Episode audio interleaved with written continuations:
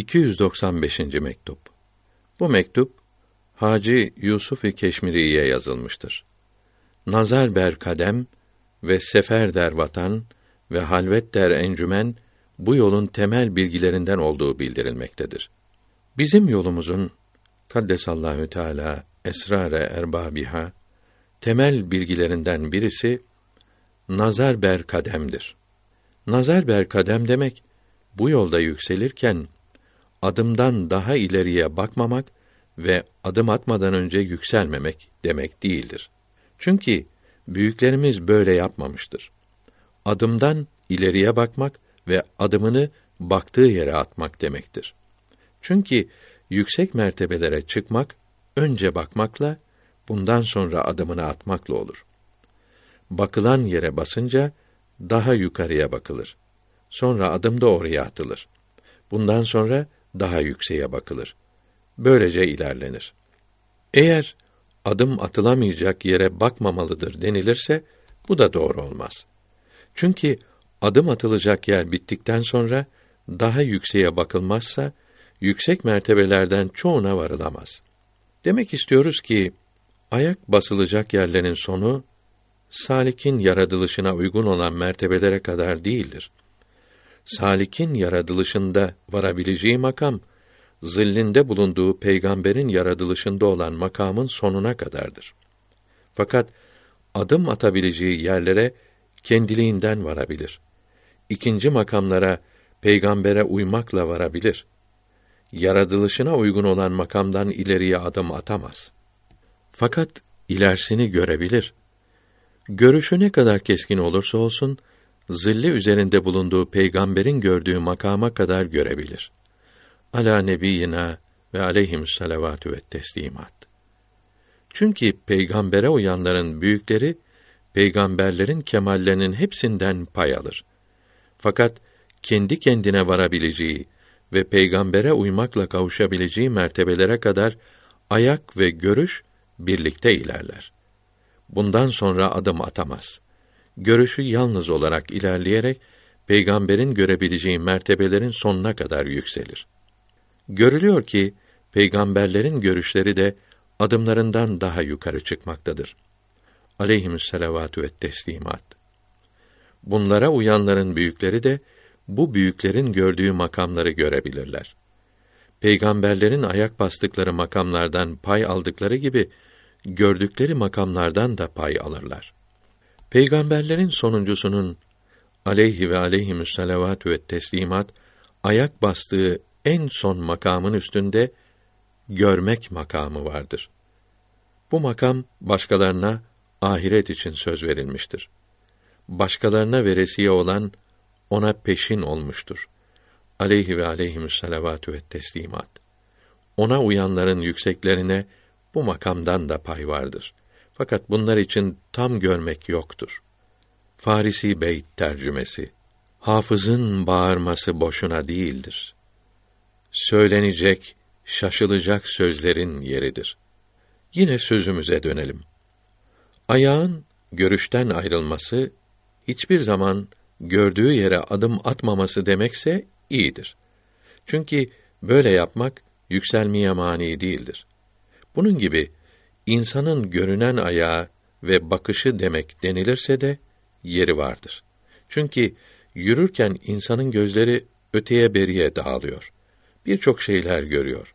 Yürürken hep ayağının üstüne bakarsa gönlünü toparlaması kolay olur. Böyle anlamak huş derdem kelimesine de uygun olmaktadır. Birinci kelime öteye beriye bakarak gönlün dağılmasını önlemek içindir. Bu ikinci kelime ise düşüncelerle gönlün dağılmasını önler. Üçüncü kelime sefer der vatandır. Bu kelime insanın kendinde seyretmesi, ilerlemesidir. Bu yüksek yolda bulunan nihayetin bidayette yerleştirilmesi bu seyirden hasıl olmaktadır. İnsanın kendinde seyretmesi bütün tarikatlerde var ise de seyre afaki hasıl olduktan sonradır. Bu yolda ise seyre bu seyre enfüsiden başlanır. Seyre afaki seyre enfüsinin içine yerleştirilmiştir. Bu yüksek yolda bu bakımdan da nihayet bidayette yerleştirilmiştir demek yerinde olur. Dördüncü kelime halvet der encümendir. Sefer der vatan denilen yolculuğa kavuşulunca herkesin arasında da bu seyir yapılır. Dışarıdaki dağınıklıklar içeri girmeye yol bulamaz. Fakat içeriye girilecek yolları, kapıları, pencereleri kapamak lazımdır. Herkesin arasında söyleyen ve dinleyen ayrılığı olmamalı, gönlünde kimseye yer vermemelidir. Bunlar başlangıçta güç olur. Uğraşmak lazımdır. Fakat yoldayken ve nihayete varınca kendiliğinden hasıl olur. Hiç uğraşmak istemez. Herkesin arasındayken kalbi toparlanmıştır. Gaflet içindeyken huzurdadır. Bu sözden müntehinin gönlünün dağınık olması ve olmaması eşittir sanmamalıdır. Elbette başka başkadır. Bu söz kalpteki topluluk için dışarıdaki dağınıklıkla topluluk arasında başkalık olmadığını anlatmaktadır. Böyle olmakla beraber zahirle batını birbirine uygun olarak yapmak, zahirden de dağınıklığı gidermek daha iyi ve daha uygun olur. Allahü Teala Müzzemmil suresinin 8. ayetinde sevgili peygamberine aleyhi ve ala aleyhissalatu vesselam mealen buyuruyor ki Rabbinin ismini zikret. Gafiller arasında bulunma. Çok olur ki insan zahirini dağınıklıktan kurtaramaz. Çünkü ödenecek haklar, yapılacak vazifeler vardır. Bunları yapmak için zahirin mahluklara dağılması lazım olur ve güzel olur. Fakat batının yani kalbin ve ruhun mahluklara dağılması hiçbir zaman iyi değildir. Batın yalnız Hak Teâlâ içindir. Demek oluyor ki her bir kulun dörtte üçü Hak Teâlâ için olacaktır. Batının tamamıyla zahirin yarısı, zahirin ikinci yarısı mahlukların haklarını ödemek için kalır. Bu hakları ödemek Allahü Teala'nın emirlerine uymak olduğundan zahirin bu yarısı da Hak Teâlâ için olmuş olur. Her şey ona dönecektir. Öyleyse ona kulluk ediniz. Vesselam. Bu Adem dedikleri el ayakla baş değil. Adem ruha denilir. Surat ile kaş değil. Beden et ve deridir. Ruh bunun serveridir. Hakkın kudret sırrıdır. Ruhsuz kalıp hoş değil. Adem gerek su gibi temizlenip arına, haramlardan kaçınır, nefsi de serkeş değil. Adem'dedir emanet, ondadır ilmü hikmet.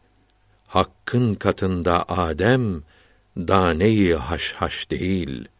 Adem olan iyi bil, çalışır hep ay ve yıl. Ruh gıdası ilimdir, ekmek ve kumaş değil.''